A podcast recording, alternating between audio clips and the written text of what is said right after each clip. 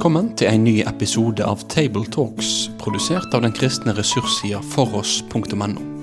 På foross.no får du tilgang til tusenvis av solide, oppbyggelige og korsforankra ressurser.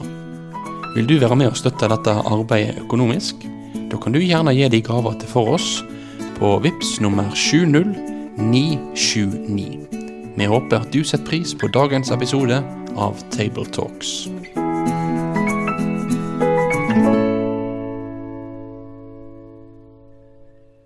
Da er dere velkommen til Tabletalks igjen fra Kristiansand. Og mitt navn er Bjørn Hinderaker, og jeg har med meg i studio her Kurt Hjemdal. og Mikael Brun. Og eh, denne eh, eh, samlingen her skal fokusere på påskedagsteksten for dette året. Og det er da fra Lukasevangeliet, kapittel 24, og de første ni versene. Eh, Jeg syns når det, vi likevel kan lese helt til og med verset 12. Så vi får et par vers til, men eh, den som er satt opp på søndagens tekst, er avgrenset til 1 til 9. Og da ber jeg deg og Mikael om du kan lese teksten for oss. Ja, det skal jeg naturligvis gjøre, og vi leser i Jesu navn. Men på den første dagen i uken, tidlig i dagningen, kom de til graven. De hadde med seg de velluktende urtene som de hadde gjort i stand. Men de fant steinen rullet fra graven. Og da, da de gikk inn, fant de ikke Herren Jesu legeme. Og det skjedde mens de sto der i villrede om dette, se, da sto to menn hos dem, kledd i skinnende klær. Kvinnene ble forferdet og bøyde seg med ansiktet mot jorden. Da sa mennene til dem, Hvorfor søker dere den levende blant de døde? Han er ikke her, han er blitt reist opp. Husk hvordan han talte til dere mens han ennå var i Galilea, da han sa, Menneskesønnen må overgis i syndige menneskers hender, bli korsfestet og stå opp på den tredje dagen. Da mintes de hans ord. Og da de kom tilbake fra graven, fortalte de alt dette til de elleve og alle de andre. Det var Maria Magdalena og Johanna og Maria, Jakobs mor, og de andre kvinnene som var med dem, som fortalte dette til apostlene. Og apostlene syntes dette var løst snakk, og de trodde dem ikke. Men Peter sto opp og løp til graven. Da han bøyde seg ned, så han bare linklærne. Han gikk så hjem og undret seg over det som var skjedd. Slik lyder det hellige evangelium. Takk skal du ha. La oss, eh, la oss nå ta en eh, bare rask runde. Sånn, hva, hva merket du deg nå, Kurt, ved, ved, akkurat denne gjennomlesingen? Hva, hva slo deg? Nei, det som alltid imponerer meg, det er at Jesus sier om igjen og om igjen at tredje dagen skal han oppstå, men det når overhodet ikke inn. Og selv nå, når det altså faktisk har skjedd, så greier ikke disiplene å ta det inn. Jeg syns det er så imponerende, og samtidig så herlig at evangeliet er sanndru på den måten at de ikke prøver å glorifisere det, men sier det akkurat som det er. Og det er litt oppmuntrende når vi andre sliter med å tro det, men, men jeg syns det er imponerende at de greier å hoppe over det der hele tiden. Ja, jeg, jeg tror jo at jeg ikke av min egen kraft kan tro på Jesus min Herre eller kommer til ham, som, som Luther sier. Det er jo et, et vitnesbyrd om det. Jeg eh, stopper litt ved dette som vi ser i vers 12, når, når Peter løper til graven. Og så ser han den tomme graven. Og så står det om hans respons på det. At han løper ikke tilbake og mm, forteller det til alle, alle andre, men han, altså han gikk så hjem og undret seg over det som var, var skjedd. Så ser jeg liksom for meg Peter som ja, går nesten inn på rommet sitt og setter seg ned i en krok og bare Hm. Det, ja. Og så sitter han og tenker. Ja. Ja, det, er tankevekkende. Og han, han må jo også ha fått hørt det som disse kvinnene har fått hørt, at som Jesus hadde sagt. Men likevel, det, det var tydeligvis ikke Brikkene hadde ikke fått plass heller fra han. Jeg, jeg merket meg eh, denne her at de kvinnene ble forferdet og bøyde seg med ansiktet mot jorden. En bit, bitte liten detalj jeg ikke, ikke har liksom sett før, men dette, dette bærer jo preg av type øyenvitnefortellinger av folk som virkelig var der, og legger til detaljer som er helt uh, uviktige. sant? Men så bare, det er sånn, sånn, det er blitt opplevd. Og det er mange, mange sånne detaljer, disse fortellingene. Eh, om både om navnene på kvinnene som var der, hva de hadde med seg osv. Som, som jeg tenker dette, dette bærer virkelig preg av uh, øyenvitner. Som er en, en oppmuntrende ting som styrker også deres troverdighet. Hvis vi nå skal gå over til å si litt om eh, konteksten, og da går vi til, til, til deg, Kurt, og for vi må plassere denne her i, i den, den, større fortellingen. Og det er kanskje ikke så spesielt vanskelig med denne historien? Nei, det er jo ikke det.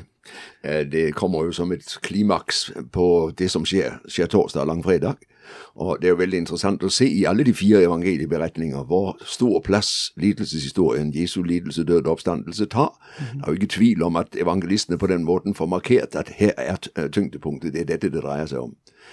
Um, og Lukas har altså også i forlengelse av Jesu død og Jesu begravelse sin oppstandelsesberetning.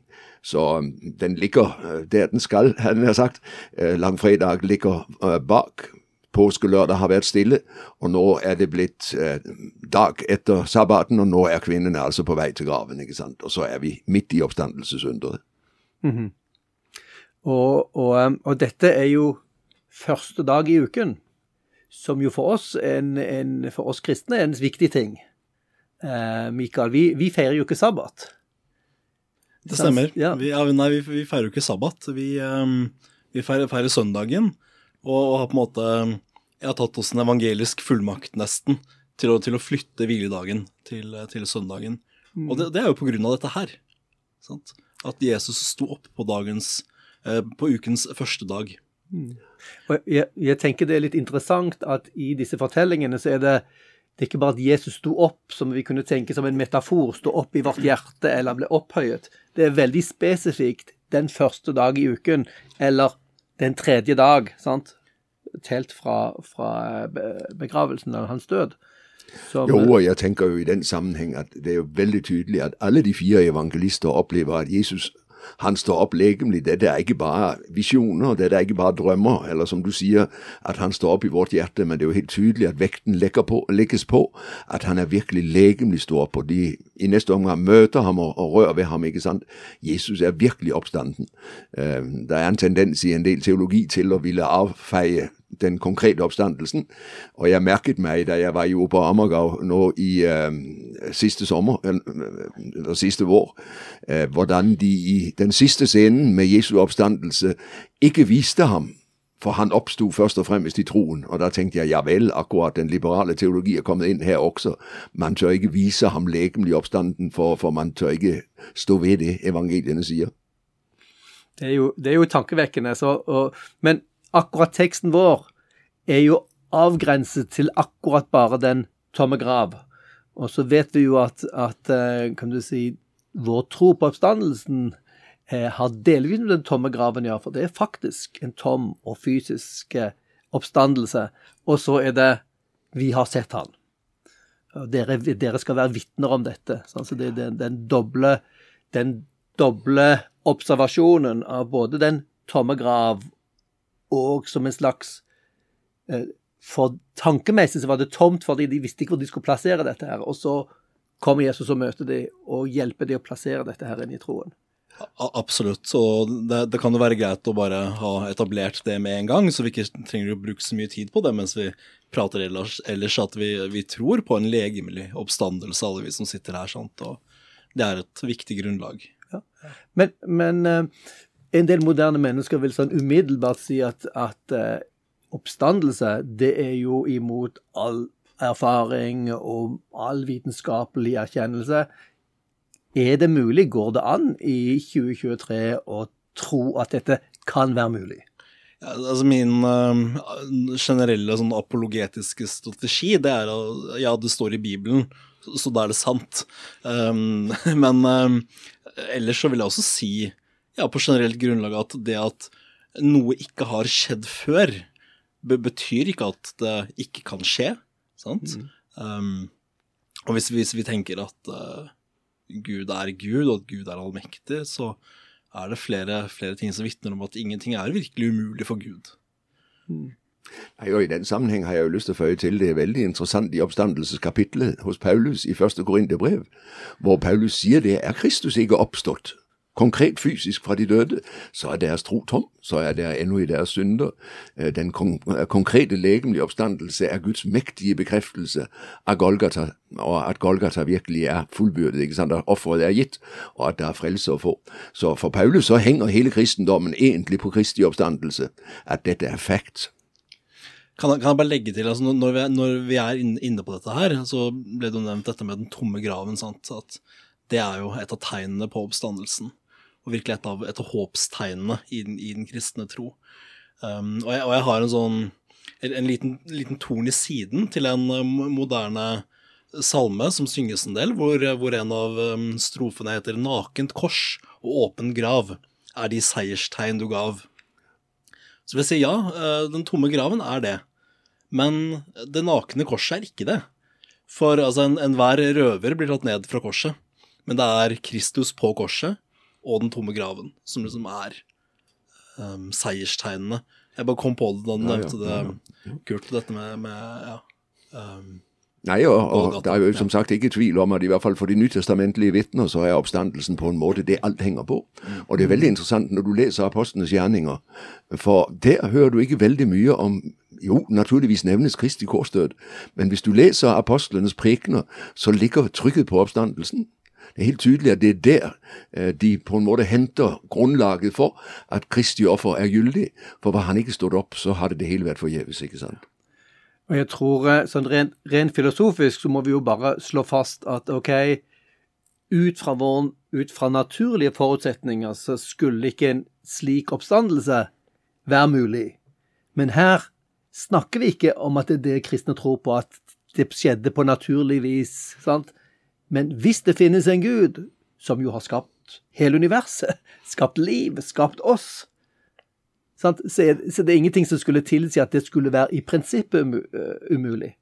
Så det er kun i det øyeblikket du kan helt sikkert utelukke eksistensen av en gud, at du kan utelukke det. Så lenge det finnes en åpning for muligheten for eksistensen av en gud, så ligger dette faktisk som en mulighet sånn rent filosofisk. Og så må jo vi selvfølgelig stille spørsmål hvor, hvor troverdig er dette? Og det er jo interessant hvordan vi ser dette eh, gjennom mange vitner i Nytestamentet, også i denne her eh, fortellingen her. For det er noe interessant at i, i denne fortellingen så er det kvinnene som kommer til graven. Um, hvorfor, hvorfor er det Hvorfor er det kvinner som er så sentrale her? Det er jo andre steder også i bibelfortellingen for så vidt, men eh, Ja, det er jo veldig interessant, og det er jo veldig pussig å trekke det sammen med Jesu fødsel også i Lukasevangeliet, ikke sant? hvor det er kvinner og hyrder, gjetere. Og i det jødiske samfunn var det to grupper som ikke fikk lov å vitne i retten, og det var gjetere og kvinner, for de var ikke troverdige. Så det er jo veldig interessant at evangelistene forteller oss at det er kvinnene som er de første oppstandelsesvitner, og på den måten reiser deres verdighet og sier de er altså troverdige vitner. Men samtidig syns jeg jo det er veldig spennende også, nettopp som et troverdighetsgrunnlag, at det så tydelig fremgår, ikke minst her hos Lukas, hvor vanskelig det er for dem å komme til rette med oppstandelsen, for det sprenger hele deres virkelighet. Eh, og, og det er spennende, syns jeg, at disiplene er så villige til å selv henge seg ut og si vi klarte ikke å tro det. Eh, I Matteus får vi høre at øversteprestene ber om vakter til graven.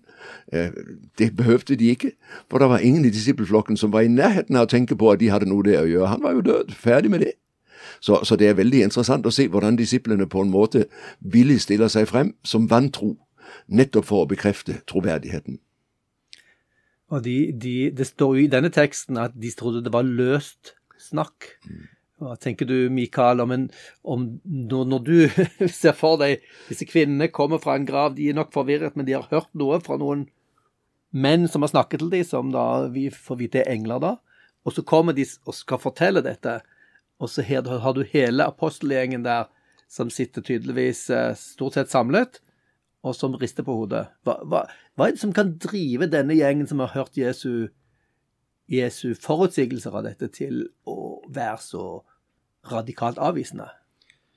Nei, det er jo nettopp dette med at den virkelige tro på oppstandelsens realitet og oppstandelsens mulighet, den, den kommer ikke av seg selv. Den, den må skapes i, eh, i et menneskehjerte. Um, og hvorfor den ikke automatisk ble skapt på dette tidspunktet, det er jo vanskelig å si. Men det kan være noe her at ja, det tar litt tid, rett og slett. Og um, ja, de, de, var kanskje ikke mottagelige for å tenke allerede da på oppstandelsen de, de sitter der og, og, sørger og tenker ja, hva i alle dager skal vi gjøre nå? Mm. Og så kommer disse kvinnene, og, som de sikkert visste at hadde vært ved graven med, med, med blomster og urter. sant? Og, og, så kommer de tilbake, og så ja, graven er tom. Ja, men la, la oss sørge i fred. Hvorfor driver du og maser, kan det jo være at de tenkte. sant?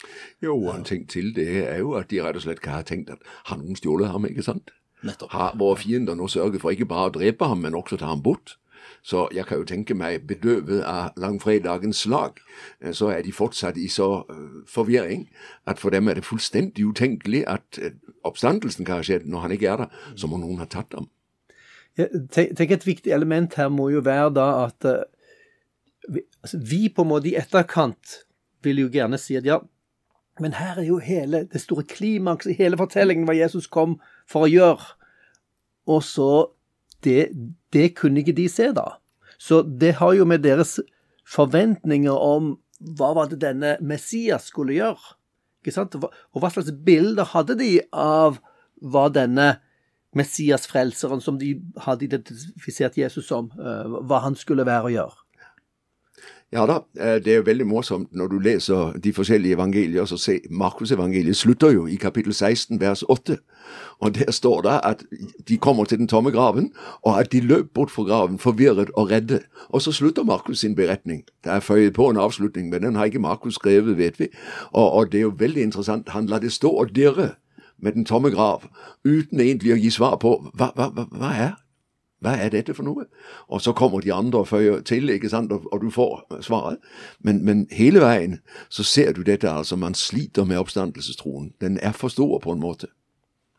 Ja, absolutt. Det, og det er jo ikke sånn veldig rart, egentlig. Og da ser man jo også det at det som var nødvendig for flere av de, var jo å, å møte den faktisk oppståtte Kristus.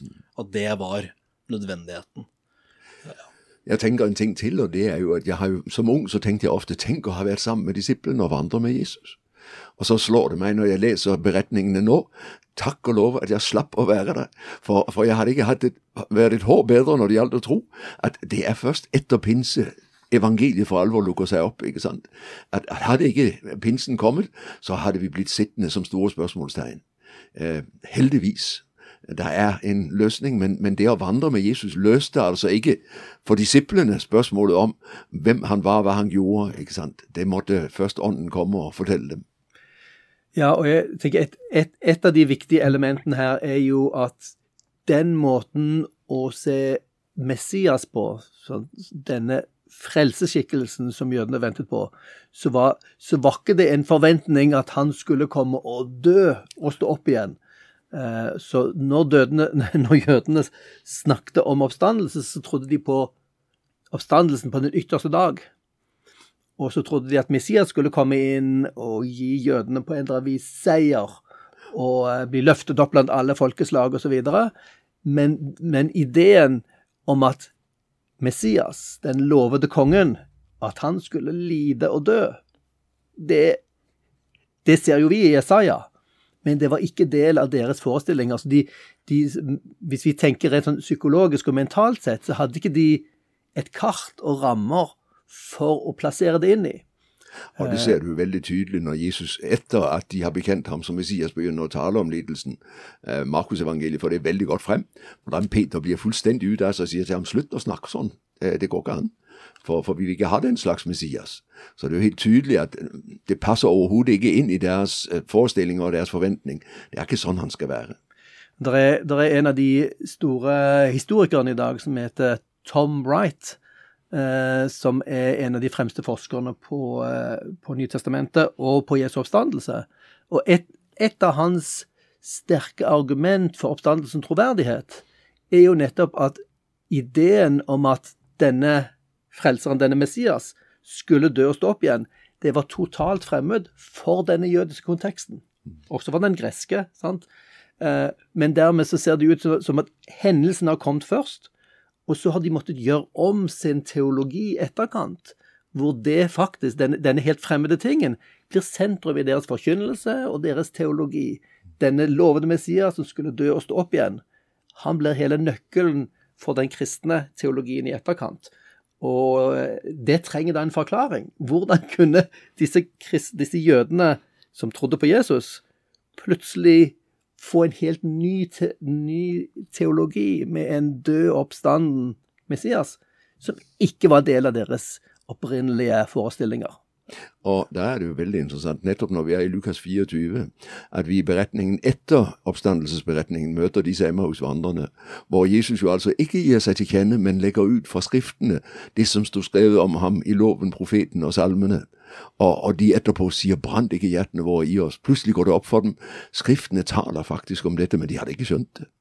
Han gir dem en nøkkel som gjør at de begynner å skjønne ja, men det er ikke noe overraskende, det står der, men vi har ikke sett det. Mm. Ja, og det er det jo vitnesbyrd gjennom hele evangel alle evangelienes fortellinger om Jesus. At dette her er noe han stadig vekk prater om, legger ut for dem. Um, som de ikke forstår før det faktisk har skjedd og de har fått det tydelig og åpenbart. Og så er det jo veldig flott å se hvordan det er, som vi har nå vært innom på flere måter, virkelig spekket med skal vi si, troverdighetsbevis mm. sant, på dette her. Og jeg tenker særlig på det som du, Kurt, nevnte i sted, med at uh, de, de, som har skrevet det her, og, altså apostelflokken osv., de er ikke opptatt av å male seg selv som perfekte. Det, det er jo det man vil, ville tenkt at hvis noen skulle ja, diktet opp en religion med seg selv i førersetet, så ville man jo skrevet at uh, ja, Peter og de andre apostlene var de flotteste og sterkeste og klokeste menn i hele verden. Sant? Og det, det har de ikke gjort. Og de ville heller ikke valgt kvinner som de første vitnene, som eh, ikke vil være gyldig i, eller ikke har samme vekt, i hvert fall, i en rettssak. Men, men bare helt, helt, kort nå en, Disse kvinnene var på vei tilbake til graven for å Med noe bagasje. Så, så, så dette henviser jo til en type gravskikk som vi har hørt om fordi vi har hørt om bibelfortelling som er fremmed for oss. Vi går jo ikke tilbake til noe som er begravd. Graver de opp igjen, så legger på urter og sånt. Men hva, hva, hva er bakgrunnen dette? Nei, Det har jo med det å gjøre de rett og slett pga. sabbaten ikke rakk å behandle Eh, den avdødes eh, døde legeme, sånn som de pleide. Og det er helt klart at når folk døde, så kom de med velluktende urter og oljer, som det står, og smurte inn for å dempe liklukten, ikke sant, og, og på den måten eh, ære den avdøde. Men, men, det rakk de altså ikke, og derfor så må de jo gjøre det. Men også det, eh, nettopp det faktum, sier jo at for dem er oppstandelsen fullstendig ute av perspektiv. De er parat til en død kropp i en grav, og vet at han er der og derfor sjokket når han plutselig ikke er der. For det har ikke falt dem inn, tross det han har sagt, at han ikke skulle være der. Mm. Så, så, også det er jo en del av troverdighetsbeviset, at de i det hele tatt begir seg til graven med eh, velluktende oljer og urter, for, for, det viser de regner med han er død. Ferdig med det. Amen. Og dette, dette henviser jo også til altså den gravskikken hvor, hvor man begraver en person, legger det inn i et sted for å øh, ja, Det er jo for rett og slett å råtne, og så etter et år så renser de beinene, samler knoklene og legger de i et knokkelskrin, et ossuarium som det heter. Og Det er jo interessant, for det er jo noe eh, katolikkene fortsatt praktiserer. På alle katolske kirkegårder så ser du disse eh, skrinene med avdødes knokler. Man bruker samme grav om igjen og om igjen, ikke sant? Nettopp derfor. Interessant. Ja. Så det, så, og dette er jo en del av den jødiske gravskikken som er ellers fremmed for oss. Hvor, hvor, man har da to runder med seremonier. Den ene er den første legges i graven, den andre er året etterpå, hvor knoklene på en måte samles. og, og Det er den første vi ser her, og, og som bekrefter at dette hører til i denne jødiske konteksten. Det er jo veldig klart. Så de forventet ikke en jødisk Messias. Hvis vi nå skal prøve å, å Uh, de forventet nok en jødisk Messias, ja. Bjørn, men de forventet ikke en levende, en oppstanden Messias. Han var død, ferdig med ham, og, og, deres forventninger var gått fullstendig i knas. ikke sant? Vi trodde han var den som skulle forløse Israel, men nå vi skjønner ingenting. Ja. Og, og, der får de jo altså heldigvis lys, da. Ja, Og det er hvem denne jødiske Messiasen faktisk skulle vise seg å være, som var det som var totalt fremmed og nesten uforståelig for dem. Um, og hvis vi, hvis vi, skal anvende denne, her, denne teksten på vår tid, hva, hva, kunne vi si? Hva slags, hva slags, type ting er det vi gis her i teksten? Uh, hvis du begynner, Mikael. Nei, det er jo oppstandelsens realitet. Dette her er jo en, oppstandelses... en oppstandelsespreken, rett og slett, denne teksten her. Det, det, kommer vi ikke utenom. Det er det som er si, hovedsaken og, og indrefileten i den teksten. Det er at Jesus Kristus er sannelig oppstanden. Det er det som må være hovedsak her, og det er det som skal være hovedsak når denne, denne teksten uh, forkynnes over.